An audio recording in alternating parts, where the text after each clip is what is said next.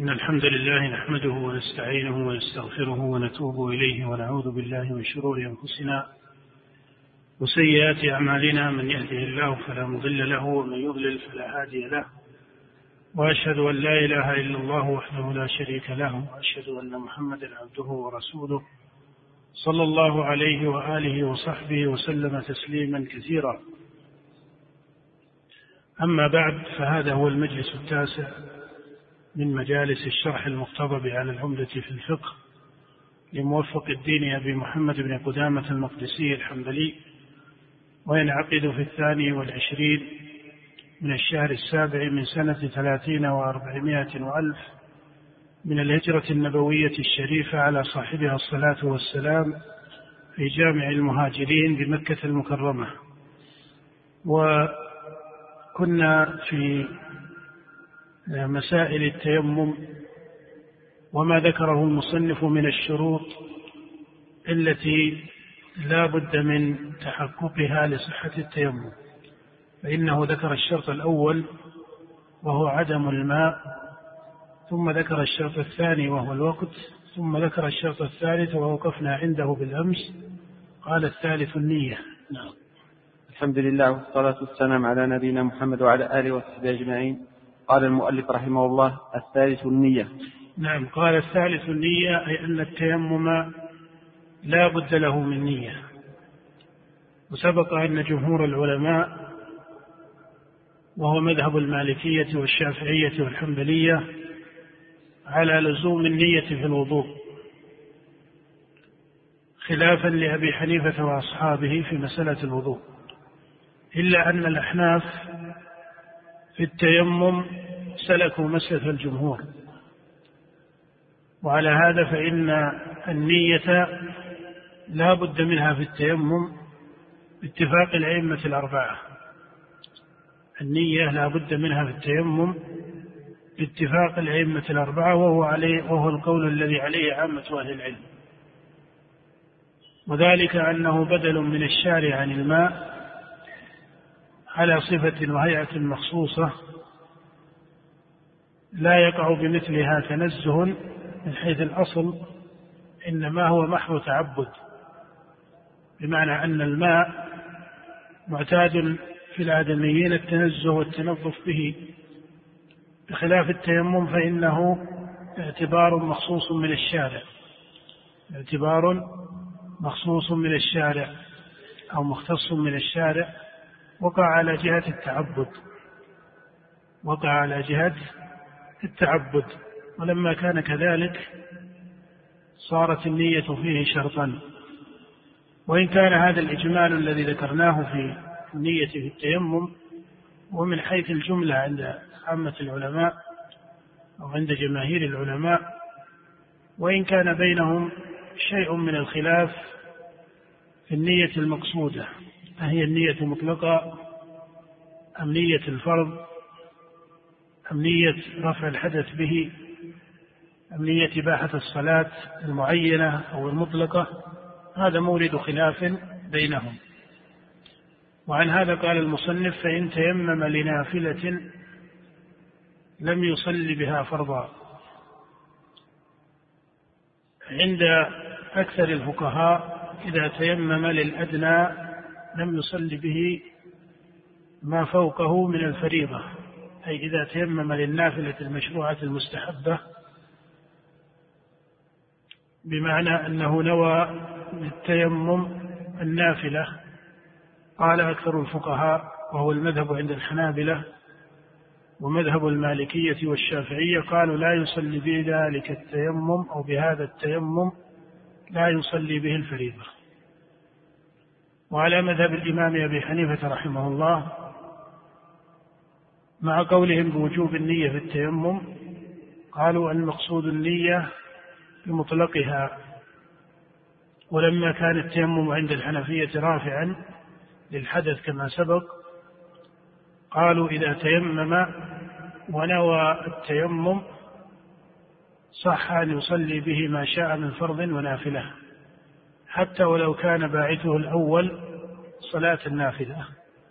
فإنه عند الحنفية يصح أن يصلي به الفريضة.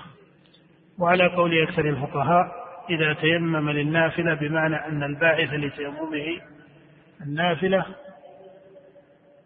ثم أراد أن يصلي الفريضة ولم ينوها بتيممه فعند أكثرهم وهو المذهب عند الحنابلة وكذلك هو مذهب المالكية والشافعية لا يصلي به. نعم. قال رحمه الله فإن تيمم لنافلة لم يصلي بها فرضا وإن تيمم لفريضة فله فعلها وفعل ما شاء من الفرائض والنوافل حتى يخرج وقتها. قال وإن تيمم لفريضة أي وإن تيمم لصلاة فريضة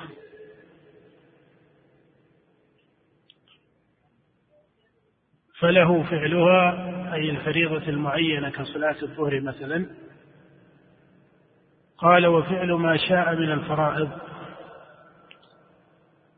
بمعنى أنه لو أراد قضاء الصلاة فتيمم لصلاة الظهر ثم تبين له أنه قد نسي صلاة فهذه الفريضة التي نسيها يقضيها بالتيمم نفسه ولا يلزمه تيمم آخر للفريضة المقضية.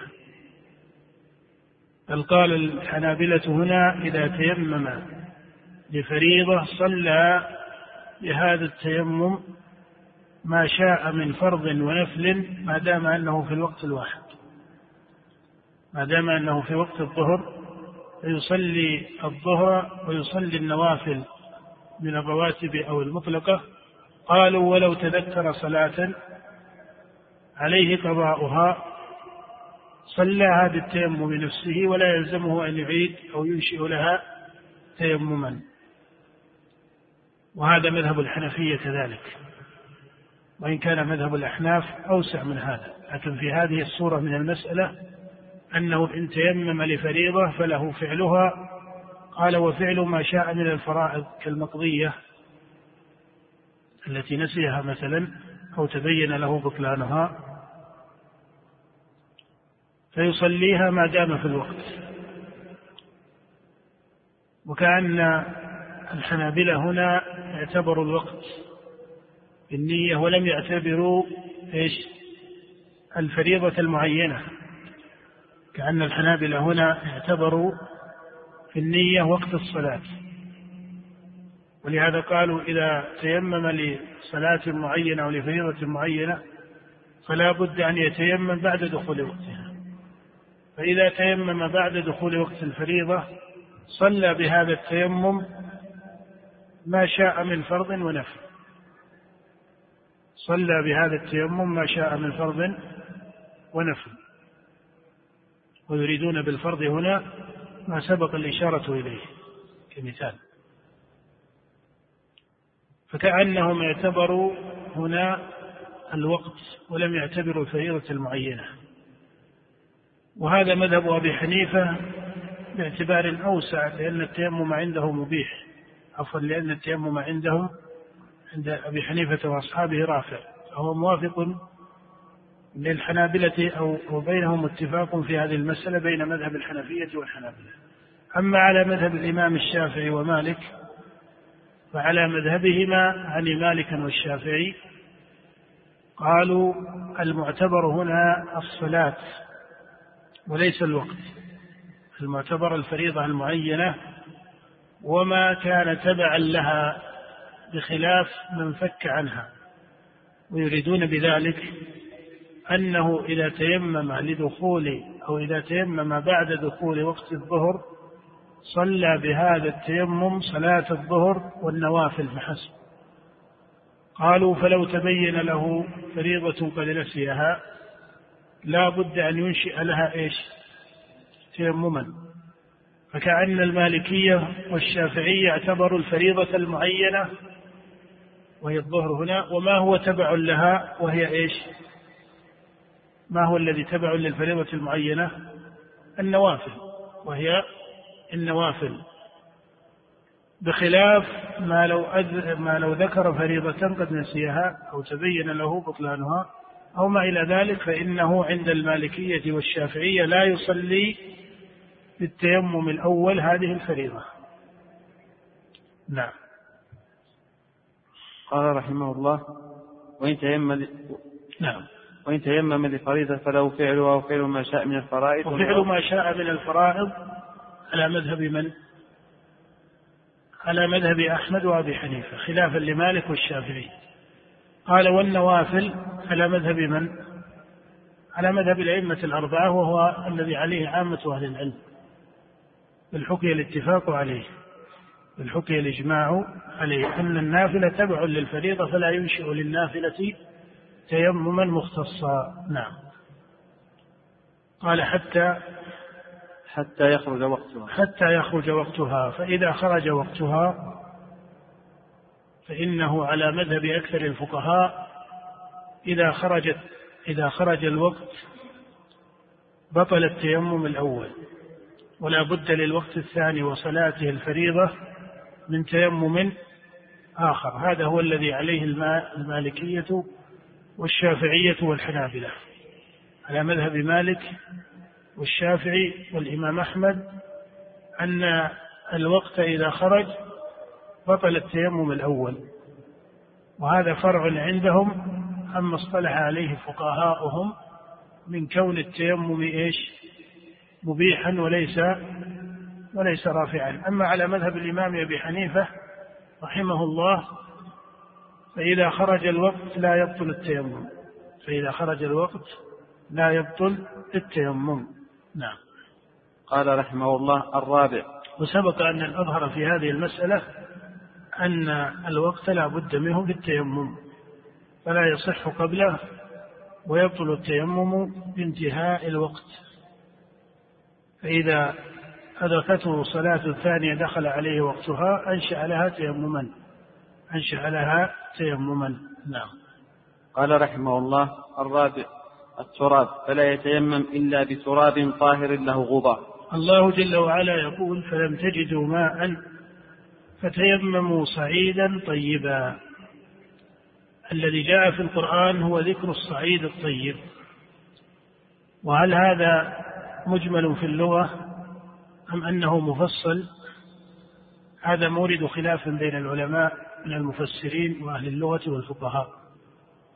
فمنهم من قال إنما ذكره الله في القرآن في قول الله جل وعلا فلم تجدوا ماء فتيمموا صعيدا طيبا. منهم من قال إن هذا مجمل وتعلم أن المجمل ينظر في مبينه فيحمل بيانه على مبينه من النصوص الأخرى. فعند طائفة من الفقهاء وهو الذي ذكره المصنف هنا وهو المشهور من مذهبي الإمامين الشافعي وأحمد أن التيمم لا يكون إلا بالتراب الطاهر وليس بكل ما صعد على الأرض. فكأن نتيجة هذا المذهب تقول إن ما ذكر في القرآن إيش؟ مجمل أو مبين؟ مجمل. قالوا فهذا المجمل بينه النبي صلى الله عليه وسلم بقوله وجعلت تربتها لنا طهورا. وجعلت تربتها لنا طهورا. قالوا فأكثر الأحاديث كهذا الحديث الثابت في الصحيح وكحديث أبي ذر التراب طهور التراب طهور المسلم وإن لم يجد الماء عشر سنين مع أن الحديث في إسناده وجه من الإعلال لكن قالوا أكثر موارد النصوص ذكرت بيانا لمجمل القرآن. ذكرت بيانا لمجمل القرآن كقول النبي صلى الله عليه وسلم في الصحيح وجعلت تربتها لنا طهورا. فعلى مذهب الإمام الشافعي وأحمد لا يكون التيمم إلا بالتراب خاصة. إلا بالتراب خاصة. وهذه المسألة فيها خلاف مشهور كثير بين العلماء. وفيها بضعة أقوال ذكرها من عني بجمع أقوال أهل العلم.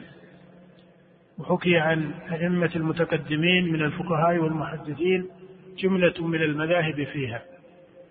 ولكن مختصر الخلاف هو الإشارة إلى قولين وإن كانت هذه الإشارة فيها بعض الإجمال فربما وقع وسط هذين القولين ما هو من التفصيل أو المختلف فيه لكن جملة الخلاف في هذه المسألة يرجع إلى قولين وإن كان هذا من حيث الجملة الأول هو ما ذكره المصنف وهو المشهور من مذهب الإمام أحمد وهو مذهب الإمام الشافعي أن التيمم يكون بالتراب.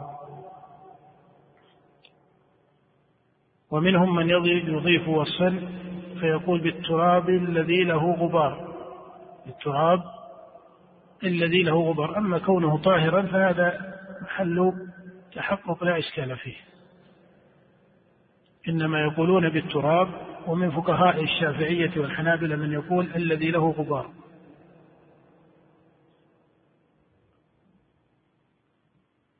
والقول الثاني المجمل في هذه المسألة أو في إجمال المسألة بعبارة الصح. القول الثاني في إجمال المسألة أن التيمم يصح بكل ما صعد على الأرض من جنسها أي بما كان من طبيعة الأرض.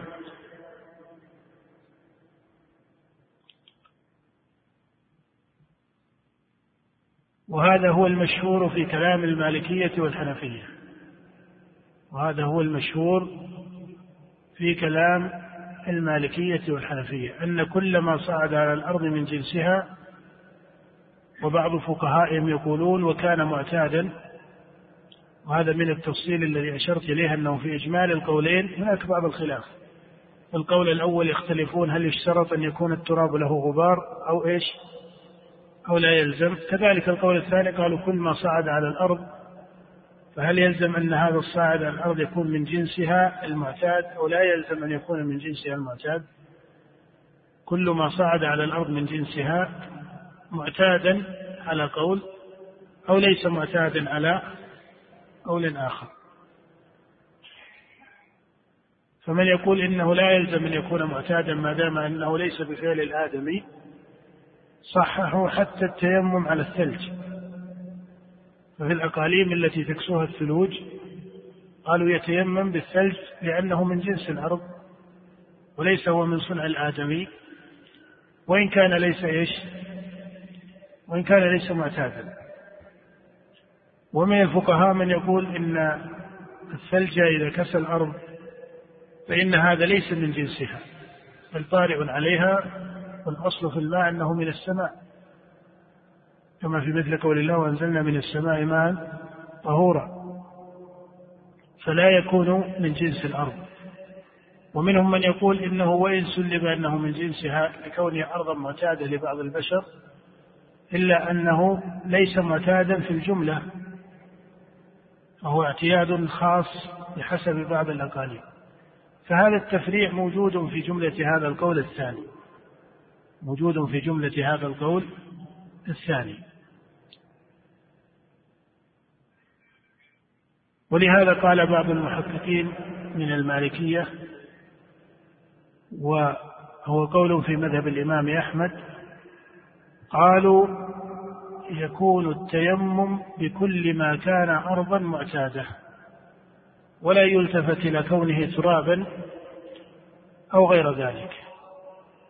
بل سواء كان ترابا أو رملا أو حصى أو ما إلى ذلك. كل ما كان أرضا معتادة صح التيمم به لقول النبي صلى الله عليه وسلم وجعلت تربتها لنا طهورا ويراد بالتربة هنا الأرض المعتادة ولا يراد التراب بخصوصه. قالوا وهذا الذي دل عليه بيان القرآن في قول الله جل وعلا فلم تجدوا ماء فتيمموا صعيدا طيبا. وهذا القول أجود أنه لا يقصر التيمم على التراب الذي له غبار كما قال من قال من الفقهاء. لأن الأظهر في الآية أنها مبينة لحكم التيمم أو لما يصح التيمم به وليس فيها إجمال. فقول الله جل وعلا فلم تجدوا ماء هذا نص مبين وليس مجملا. فقوله فلم تجدوا ماء فتيمموا صعيدا طيبا أي كل ما صعد على الأرض من جنسها المعتاد صح التيمم به. فكل ما كان أرضا معتادة صح التيمم به. وليس في النصوص ما يدل على منع هذا الوجه من النظر في الآية. وأما قوله وجعلت تربتها لنا طهورا فهذا يراد بالتربة الأرض المعتادة. وهذا معروف في تعبير العرب لا يراد به عين التراب ثم إن هذا الحكم جعله الله جل وعلا لعموم المسلمين مع عموم رسالة النبي صلى الله عليه وسلم لسائر أهل الأرض جعله الله جل وعلا بدلا عن الماء عند عدمه أليس كذلك؟ الله جل وعلا جعل التيمم بدلا عن الماء عند عند عدمه فإذا عرفت هذا ولا سيما مع عموم رسالة النبي صلى الله عليه وسلم لسائر أهل الأرض وتعلم أن كثيرا من الأقاليم بل ربما أكثر الأقاليم في الأرض لا يكون التراب فيها متحققا على الصفة التي ذكروها بل منها ما يكون كذلك ومنها ما يكون صعيدا آخر. فلما كان صعيد الأرض مختلفا منه ما هو تراب له غبار ومنه ما هو غير ذلك فيبعد أن الحكم لا يتناول إلا هذا النوع مع أنه وقع على محض التعبد كما تعلم. فالمقصود أن ظاهر القرآن وهو مقتضى التشريع في هذا الحكم من حيث النظر لمقاصد الشارع أن التيمم يصح بكل ما كان أرضا معتادة بخلاف ما صنعه الآدمي أو أوجده الآدمي فهذا لا يتيمم به. خلاف ما أحدثه الآدمي فهذا لا يتيمم به لأنه ليس أرضا لأنه ليس أرضا معتادة. إنما ما كان أرضا معتادا في أصل خلق الله جل وعلا فهذا يصح التيمم به. وهذا القول وسط بين ما ذكره طائفة من العلماء من أنه يتيمم على الشجر ونحوه وبينما قيده بعض العلماء من كونه لا يتيمم إلا بالتراب الذي له غبار. وإن كان التراب المعتاد أو الأرض المعتادة لو انتقلت إلى محل بفعل الآدمي بقي حكمها. الأرض المعتادة إذا نقل شيء منها إلى محل لم يتغير ولو كان نقله بفعل الآدمي صح التيمم به. ومن الدليل على هذا ما ثبت في الصحيح من حديث أبي جهيم أن النبي صلى الله عليه وسلم تيمم على الجدار فتيمم على الجدار من الطين لأنه وإن كان الآدمي نقله جدارا عن هذا الطين فإنه باق على ماهيته وعلى أصل الخلق فما زاد عليه إلا الماء وهو تراب وماء فصار طينا. فيؤخذ من حديث أبي جهيم الثابت في الصحيح وتيمم النبي على الجدار عليه الصلاة والسلام أن الأرض المعتادة ولو نقلها الآدمي إلى صفة لم تتغير بها عن أصل الخلقة فإنه يصح إيش؟ التيمم به بخلاف ما لو تحول هذا الطين مع مواد من المواد المصنعة فتغيرت الماهية تغيرا تاما فصار مادة مختلفة منفكة تماما فهذا لا يظهر أنه يتيمم به لأن الله يقول فتيمموا صعيدا طيبا فهو ما كان أرضا معتادة كما قال عليه الصلاة والسلام وجعلت لي الأرض مسجدا وطهورا. وعموم قوله عليه الصلاة والسلام وجعلت لي الأرض يدل على أنه لا يختص بالتراب الذي له غبار. ولهذا قال جعلت لي الأرض طهورا ومسجدا. وما قال أحد من الفقهاء في قوله مسجدا لم يقل فقيه من الفقهاء إنه لا يصلي إلا في التراب الذي له غبار. أليس كذلك؟ يعني في قوله عليه الصلاة والسلام في خصائصه لما قال كما ثبت في الصحيحين وغيرهما من حديث جابر بن عبد الله وأبي هريرة فضلت على الأنبياء بخمس وفي رواية فضلت على الأنبياء بست. أعطيت جوامع الكلم ونصرت بالرعب وحلت لي الغنائم وبعثت إلى الخلق كافة. قال وجعلت لي الأرض طهورا ومسجدا. فقوله وجعلت لي الأرض طهورا ومسجدا باتفاق أهل العلم أن سائر الأرض مسجد سواء كان ترابا أو لم يكن كذلك. فالمسلم حيث أدركته الصلاة يصلي على أي أرض كانت بأي صفة كانت. هذا مقصود قوله صلى الله عليه وآله وسلم وجعلت لي الأرض طهورا ومسجدا. فإذا كان هذا المقصود في المسجد فكذلك في إيش؟ في الطهارة. ومن أهل العلم من يقول إذا كانت الصلاة تصح في كل أرض فمن باب أولى التيمم في كل أرض لأنه مقدمة لفعل الصلاة. لأنه مقدمة لفعل الصلاة.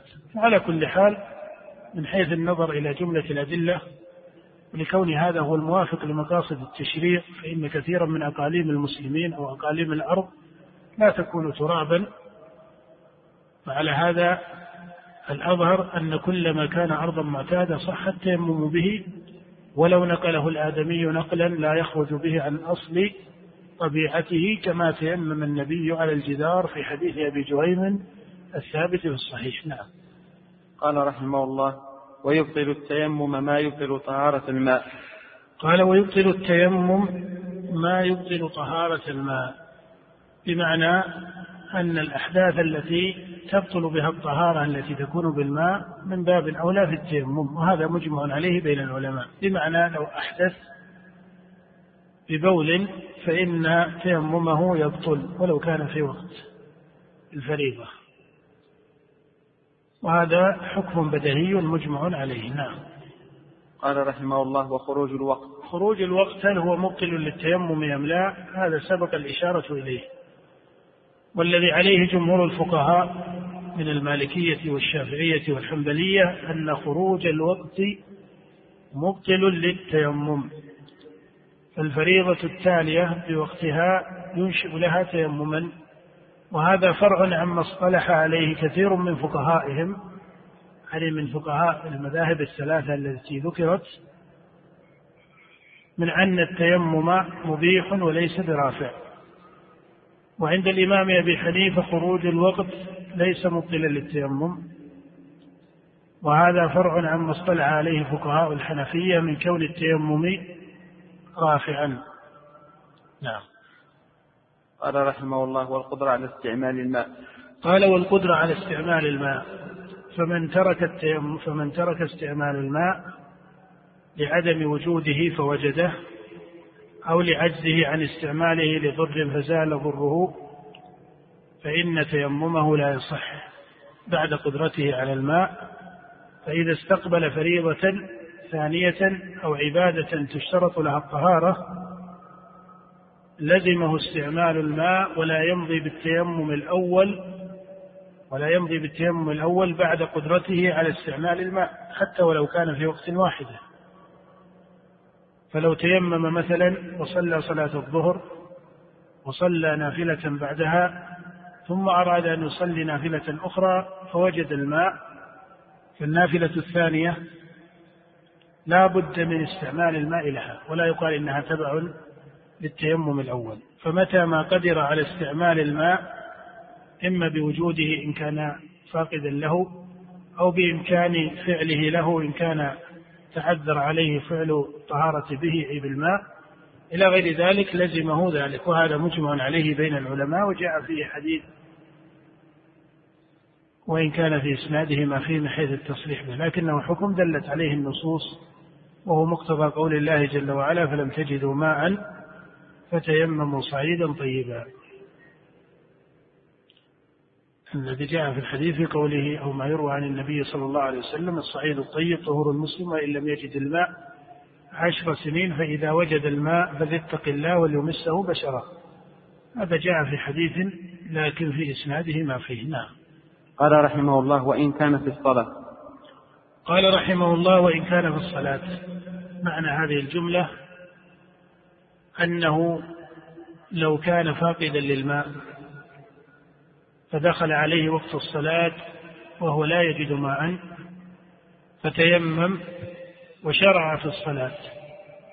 ثم في أثناء صلاته وهو في الركعة الأولى أو الثانية أو ما إلى ذلك كمثال جاءه صاحبه ومعه ماء ووصلت إليه السيارة معها أو مع حامل هذه السيارة أو صاحبها ماء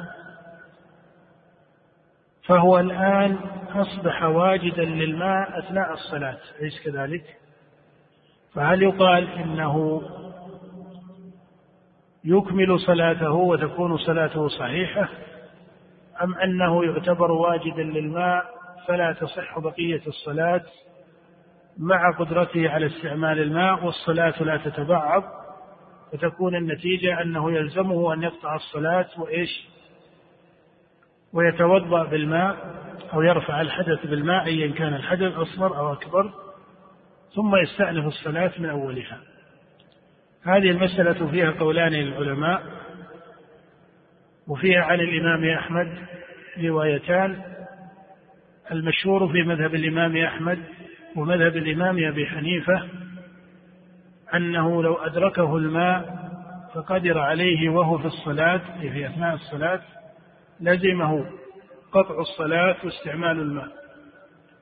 هذا هو المشهور في مذهب الإمام أحمد وأبي حنيفة. قالوا لأن الله جل وعلا يقول فلم تجدوا ماء فتيمموا. صعيدا طيبا. قالوا وهذا واجد للماء في بعض ركن العبادة وقدرها قالوا فلما كان واجدا للماء في قدر من العبادة ما صح له المضي في بقيتها لأنه يمضي بقية هذه العبادة على تيمم وهو إيش؟ في حقيقته في هذه البقية واجد واجد للماء. هذا نظر واجتهاد وليس مطابقا للآية. هذا احتمال في دلالة الآية وليس مطابقا لها. إنما المطابق فيما لو انتهى من الفريضة ووجد الماء ودخل وقت فريضة أخرى فهذا صريح في الآية أنه لا بد من استعمال إيش؟ لا بد من استعمال الماء. لكن أما وهو في أثناء العبادة في أثناء الصلاة فهذا احتمال في دلالة الآية والمشهور في مذهب الإمام مالك والشافعي أنه يتم صلاته ولا يقطعها بل قال بعض فقهاء المالكية وعلمائهم كابن العربي صاحب التفسير قال لو قطع الصلاة لكان عاصيا. رحمك الله. فعند المالكية والشافعية يمضي في صلاته. قالوا لأنه شرع في هذه الصلاة بإذن من الشارع. فلما ابتدأها بإذن من الشارع فإن الرخصة تكون قائمة في هذه العبادة لأن العبادة لا تتبعه فلما كان أصلها صحيحا فتمامها تبع لأصلها. لما كان أصلها الأول أي ابتداؤها صحيحا قالوا ومعلوم أنه وهو في الصلاة لا يشتغل بغيرها. فلما دخل الصلاة بحكم معتدل شرعا وهو التيمم فإنه لا يصح له أن يشتغل بغير ذلك وهو في الصلاة.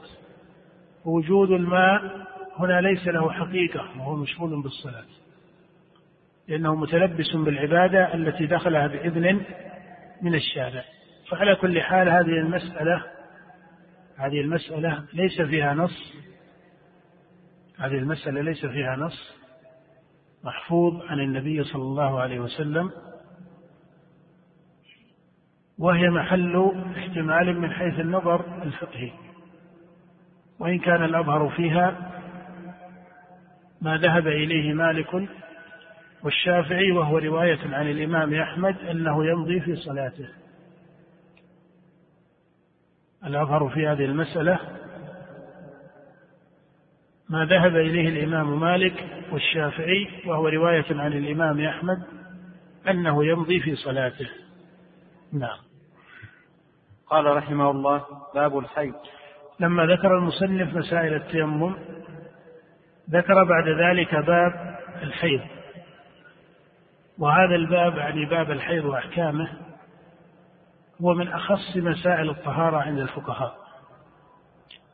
وربما صح أن نقول هو من أشكل مسائل الطهارة عند الفقهاء. وعن هذا قال الإمام أحمد رحمه الله في بعض كلام له ما زال في نفسي من مسائل الحيض تسع سنين. والحيض يراد به الدم الذي يخرج من المرأة يرخيه رحمها فهو دم خارج من رحم المرأة له صفة بوقت معتاد غالبا ودم يخرج من رحم المرأة له صفته في وقت معتاد غالبا. والصفة هي التي يسميها الفقهاء بالتمييز. والوقت هو الذي يسميه الفقهاء بالاعتياد. وعن هذا يقولون المميزة أي بالصفة والمعتادة أي بإيش؟ بالمدة. فالحيض فيه هاتان الصفتان العادة وهذه مردها إلى إيش؟ إلى وقت الحيض والتمييز وهذه مردها إلى إيش؟ إلى ماهية الحيض نفسه هاتان الصفتان العادة مرد العادة إلى الوقت ومرد التمييز إلى إيش؟ إلى الماهية نفسها وذلك أن ما يخرج من المرأة من الدماء أو بعبارة أدق وذلك أن ما يعرض للمرأة من الدماء مختلفة في ماهيتها ومختلفة في حكمها فإنه يعرض للمرأة الحيض وهذا أمر كتبه الله على بنات آدم كما قال النبي صلى الله عليه وسلم وينتاب المرأة عند بلوغها أو بعد بلوغها إلى اليأس وربما انقطع لعارض كحال الحمل مثلا. فهذا الحيض له صفته وله حكمه. ويعرض للمرأة الاستحاضة. ودم الاستحاضة غير دم الحيض في صفته وفي حكمه. ويعرض للمرأة النفاس. وهو ما يصاحب الولادة من الدم ومدته عند أكثر الفقهاء إلى الأربعين فحسب.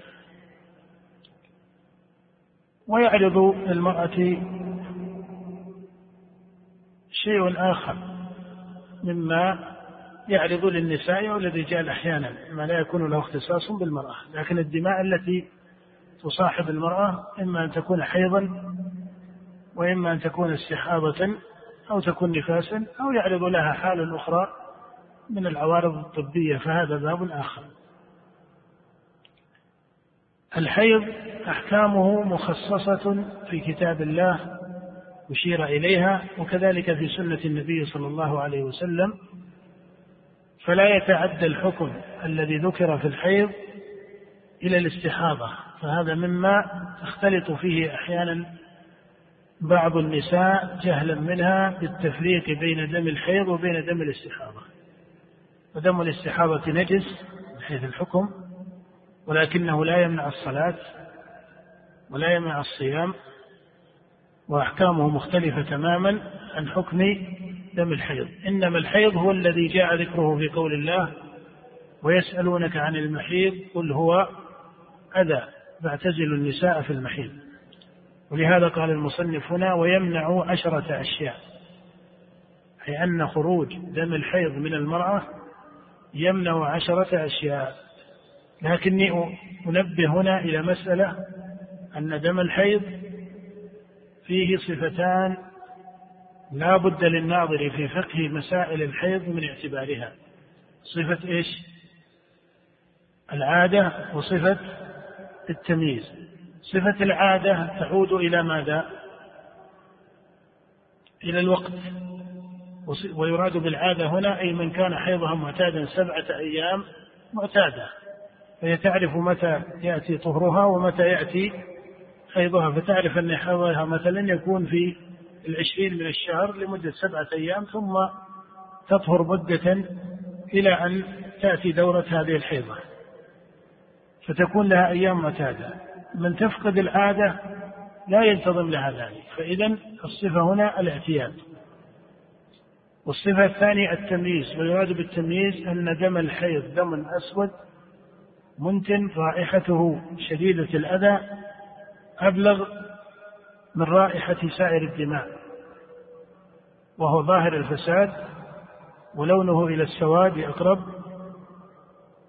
فليس أحمر فصيح الاحمرار كما في دم الاستحاضة فهذا يتعلق بإيش؟ ما سماه الفقهاء بالتمييز. لماذا نشير إلى هاتين الصفتين؟ لأن مدار كثير من الأحكام عليها. وهنا جملة لطالب العلم إذا اتفقت العادة والتمييز فالحكم بين. ليس كذلك؟ يعني امرأة لها عادة من الوقت فتعرف أن حيضها يأتيها سبعة أيام من الشهر منتظما. وإذا جاء في هذه الأيام فإن صفته بينة عن كونه ماذا؟ استحاضة. بينة فيكون دما يميل إلى السواد رائحته وصفته صفة دم الحيض. فهذه المرأة اتفق لها إيش؟ العادة والتمييز. فلا يكون في حكمها إشكال. متى يأتي الإشكال؟ إذا اضطرب حال المرأة بين العادة والتمييز. إذا اضطربت حالها بين العادة والتمييز فهل يقدم التمييز أو تقدم العادة؟ هذا سيأتينا إن شاء الله أن طائفة من الفقهاء عند التمانع بين العادة والتمييز فإذا اشتبه على المرأة الأمر واضطرب عليها الحال جعلوها تقدم التمييز وطائفة أخرى يقولون تقدم العادة. وكمقدمة في الحكم ترى أن التمييز صفة تعود للماهية. بخلاف العادة فإنها صفة تعود إلى الزمان وهو منفك عن الماهية. التمييز في صفة دم الحيض أنه دم أسود إلى آخره صفة تعود إلى إلى ماذا؟ صفة تعود إلى الماهية نفسها وأما العادة فإنها صفة تعود إلى الزمان وهو قدر منفك عن إيش؟ قدر منفك عن الماهية وإن كان مصاحبا لها وإن كان مصاحبا لها كاصطلاح فقهي وإلا من حيث النظرية المنطقية ليس مصاحبا لها وإنما هو محل لها. الزمان هو محل للماهية وليس مصاحبا لها. فالمقصود أنه إذا اعتبرنا هذا النظر وأن الصفة المتعلقة بالماهية هي التمييز والصفة المتعلقة بخارج الماهية هي العادة فكنتيجة لهذا وإن كانت المسألة ستأتي تفصيلا وتعليلا في موردها إن شاء الله من كلام المؤلف. لكن هذا يبين لك أن الأظهر في حال التمانع بين العادة والتمييز أيها يقدم. وهنا من حيث النظر الفقهي الأظهر تقديم التمييز على العادة. لماذا؟ لأنه تقديم للصفة المتعلقة بالماهية نفسها على الصفة المتعلقة بمحل الماهية ومن الزمان. على الصفة المتعلقة بمحل الماهية وهو الزمان. فإن الزمان هو ظرف للماهيات ومحل لها. وليس هو إياها. نعم. قال رحمه الله ويمنع عشرة أشياء فعل الصلاة ووجوبها. قال ويمنع عشرة أشياء فعل الصلاة. فلا تصح الصلاة فعلا حال الحيض ويحرم على المرأة أن تصلي وهي حائض. وهذا حكم مجمع عليه بين العلماء. وجاء في حديث معاذة العدوية في الصحيحين أنها قالت لعائشة ما بال الحائض تقضي الصوم ولا تقضي الصلاة. قالت عائشة حرورية أنت؟ قالت لا ولكني أسأل. قالت كان يصيبنا ذلك ونؤمر بقضاء الصوم ولا نؤمر بقضاء الصلاة. فهذا صريح أن الصلاة لا تفعل حال الحيض وهذا حكم مجمع عليه بين العلماء ويمنع وجوبها. فلا تجب الصلاة على الحائض وعن هذا لا يجب عليها أي على الحائض قضاؤها أي قضاء الصلاة. فالحيض يمنع فعل الصلاة فلا تصلي وهي حائض ويمنع وجوبها. ومن مقتضى كونه يمنع وجوب الصلاة أنه لا يجب على الحائض بل ولا يشرع لها إيش؟ القضاء. فلا يجب عليها ولا يشرع لها القضاء. فالحائض حال حيضها ليست مخاطبة بالصلاة في حال الحيض فهو يمنع فعل الصلاة ويمنع وجوبها. نعم. قال رحمه الله وفعل الصيام. وفعل الصيام. أي أن الحائض لا يصح منها الصيام فعلا. ولا يشرع لها ذلك. وما يحكى أن بعض النساء من العوام ربما ترفعت عن الأكل والشرب في شهر رمضان إذا أصابها الحيض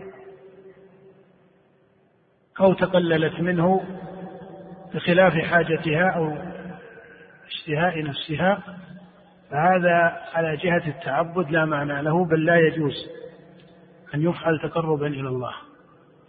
لا يجوز للمرأة أن تفعل تقربا إلى الله وهي حائض أنها تتخفف من الأكل في شهر رمضان. بعض النساء من العوام ولا سيما في بعض البوادي أو القرى تقول إنها لا تقبل نفسها أن تأكل في أثناء شهر إيش؟ رمضان. هذا لا شك أنه لا يجوز. لا نقول إنه لا, لا يجب عليها الصيام هذا بدهي لا يجب أو, أو, أو لا يصح منها لا يصح منها فعل الصيام هذا واضح. لكن لا يجوز لها أن تدع الأكل والشرب أو تمنع نفسها عن شيء منه على جهة التقرب لله سبحانه وتعالى. فإن الله جل وعلا هو الذي يضع الأحكام ويضع التشريع للناس. نعم. قال رحمه الله ولهذا قال رحمه الله فعل الصيام ولم يقل بوجوب الصيام كما قال في الصلاة لأن الحائض يجب عليها الصوم وإن كانت لا تفعله وهي حائض. ولهذا إذا أدركها رمضان فحاضت في رمضان فإنه يجب عليها القضاء. فصار هذا يعني وجوب القضاء دليل على أن الصيام واجب عليها وإن كان لا يصح منها أثناء الحيض ولهذا فرق الفقهاء في الصلاة أي بين الصلاة وبين الصيام لأن السنة جاءت بذلك. وكما قالت عائشة رضي الله عنها في الحديث المتفق عليه كان يصيبنا ذلك في الحيض فنؤمر بقضاء الصوم ولا نؤمر بقضاء الصلاة.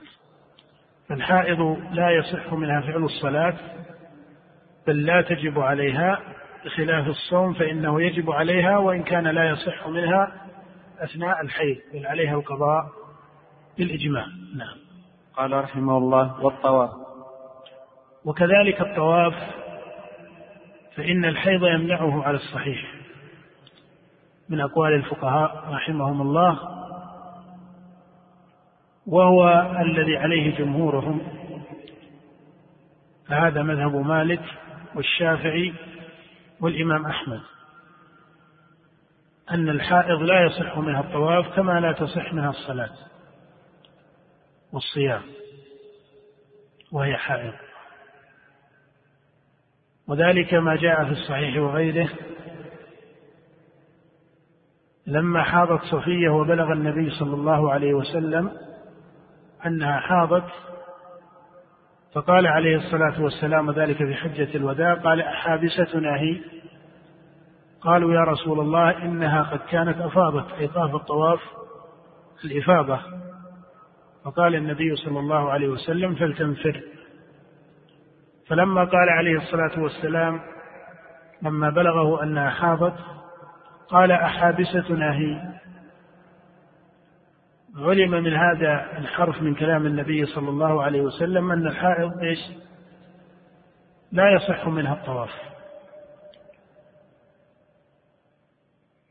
وإن كان طائفة من العلماء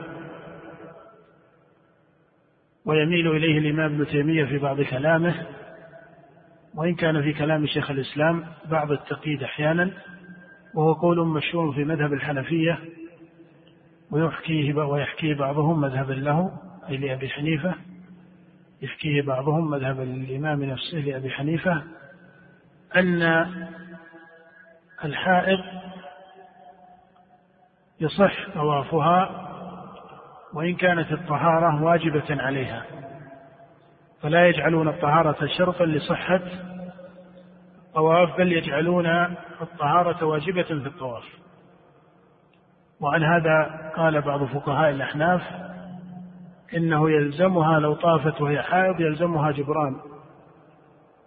يلزمها جبران الدم. ولكن القول الذي عليه أكثر الفقهاء وهو مذهب مالك وكثير من أئمة المدينة محفوظ عنهم هذا الفقه وأكثر أهل الحديث وهو مذهب أحمد والشافعي كذلك أن الحائض لا يصح منها الطواف كما لا يصح منها الصلاة والصيام. وعلى القول الثاني أن طوافها صحيح والطهارة ليست شرطا فيه وإنما واجب. وإذا قلت إنه واجب ففي حال العذر يختلف الحكم عن الشرط يختلف الحكم عن الشرط. في حال العذر يختلف الحكم عن الشرط وعن هذا سوغ من سوغ من الفقهاء أن تطوف المرأة في حال عذرها واحتباسها عن رفقتها ولو كانت حائضا. قالوا لأنها تاركة لواجب عندهم والواجب يسقط بالعجز عنه لقول الله فاتقوا الله ما استطعتم.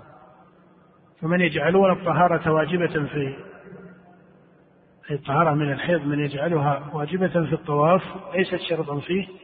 يصححون طواف الحائض ويقولون إنها تركت واجبا فلما لم تكن قادرة ومتعمدة إنما معذورة فهذا على معنى قول الله فاتقوا الله ما استطعتم. ومنهم من يقول إنها تجبر ترك هذا الواجب في نسكها أي في في طوافها. لما كان من واجب الطواف الطهارة تجبره بدم.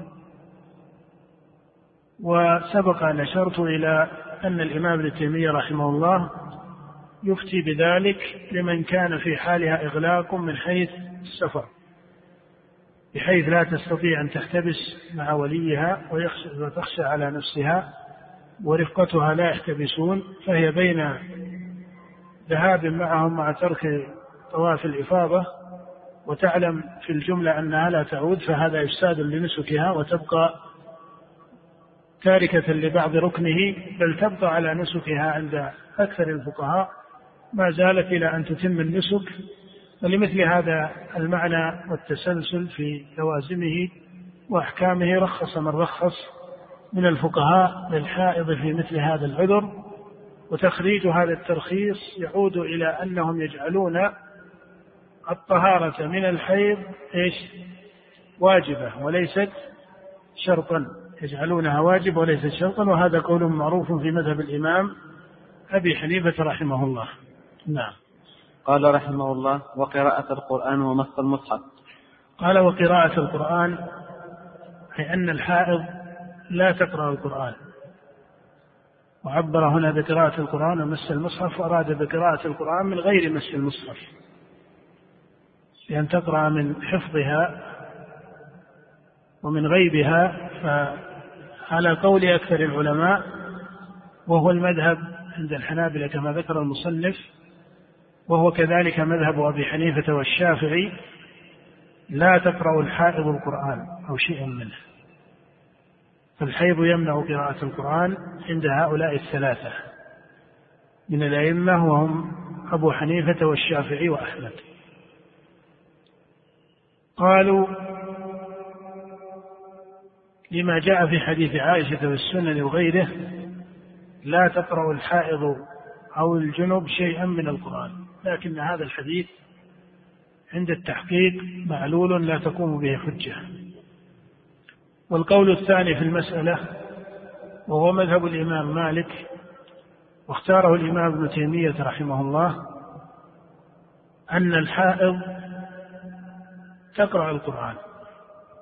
بل إن شيخ الإسلام ابن تيمية رحمه الله قال إن خشيت النسيان فإنه يشرع لها بل عبر في بعض كلام له أنه يجب عليها أن تقرأ القرآن.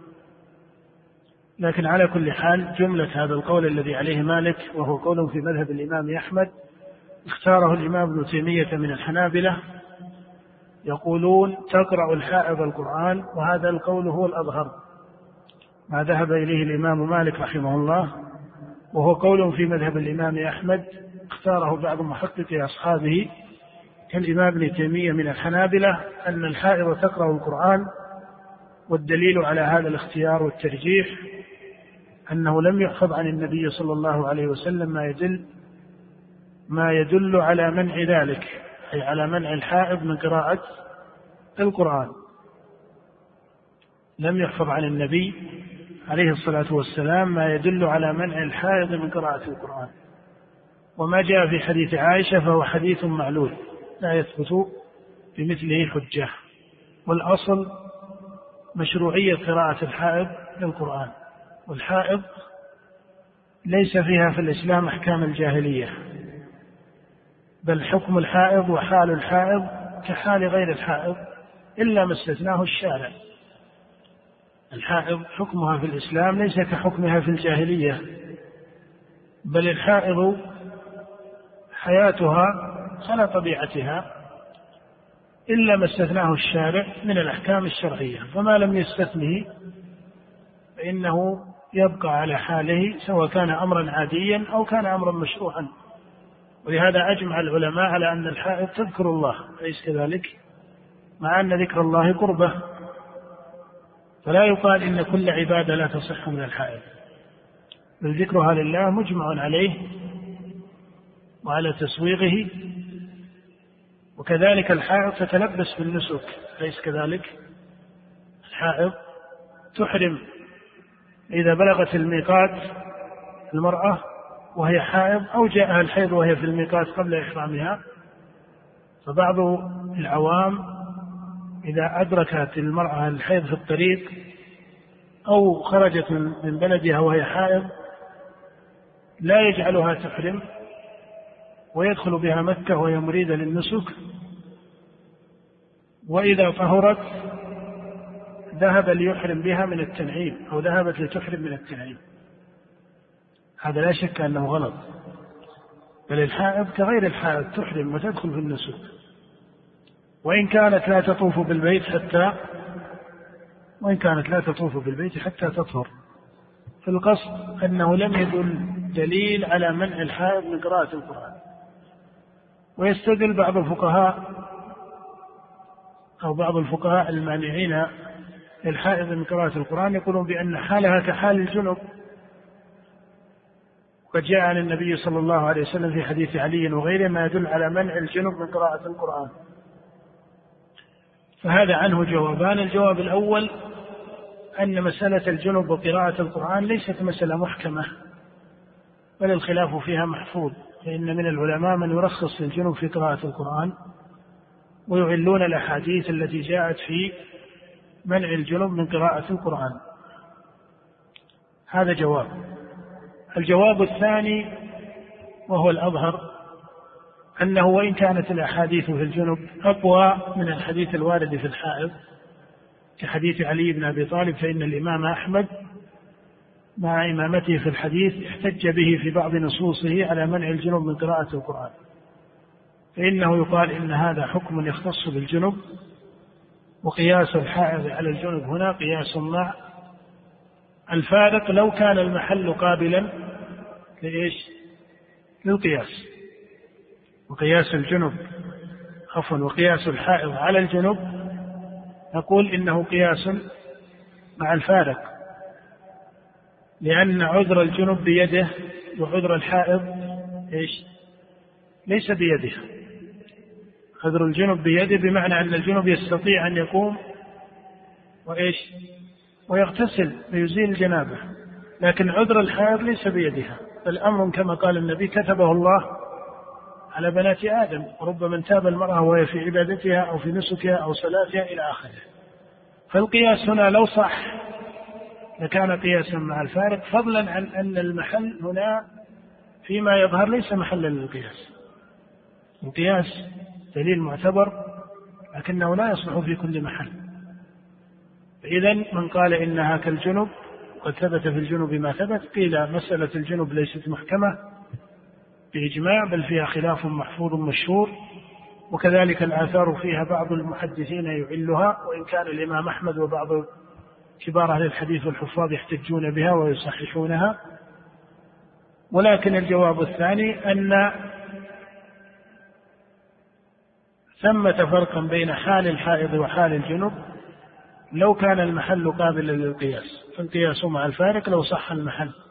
فضلا عن كون المحل هنا ليس محلا مناسبا للقياس. على كل حال نقف على هذا لأني على سفر وإن شاء الله الأسبوع القابل بإذن الله تعالى آه، نستكمل بقية المسائل. وبعض الإخوة اقترح شرح كتاب الصيام والزكاة قبل رمضان وكتاب الحج قبل الحج فهذا اقتراح وجيه لكن لا أدري عن تيسره. إنما النية إن شاء الله أننا نتواصل في هذا الدرس في هذه السنة والسنوات القادمة. نأخذ كتابا كتابا على ما يتيسر.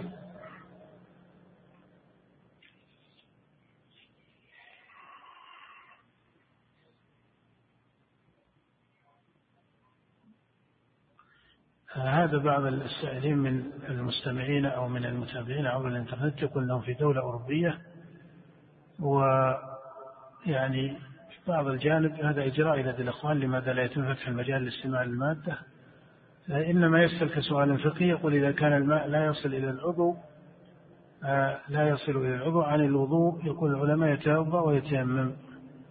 لعله أراد إن كان يصل استطاع أن يصل بعض الأعضاء دون بعض. نعم هكذا على القول الصحيح. وإن كان من العلماء من يقول إنه لا يجمع بينهما. لعلنا نؤجل الأسئلة إلى يوم السبت إن شاء الله. وبالله التوفيق وصلى الله وسلم على نبينا محمد وآله وأصحابه أجمعين.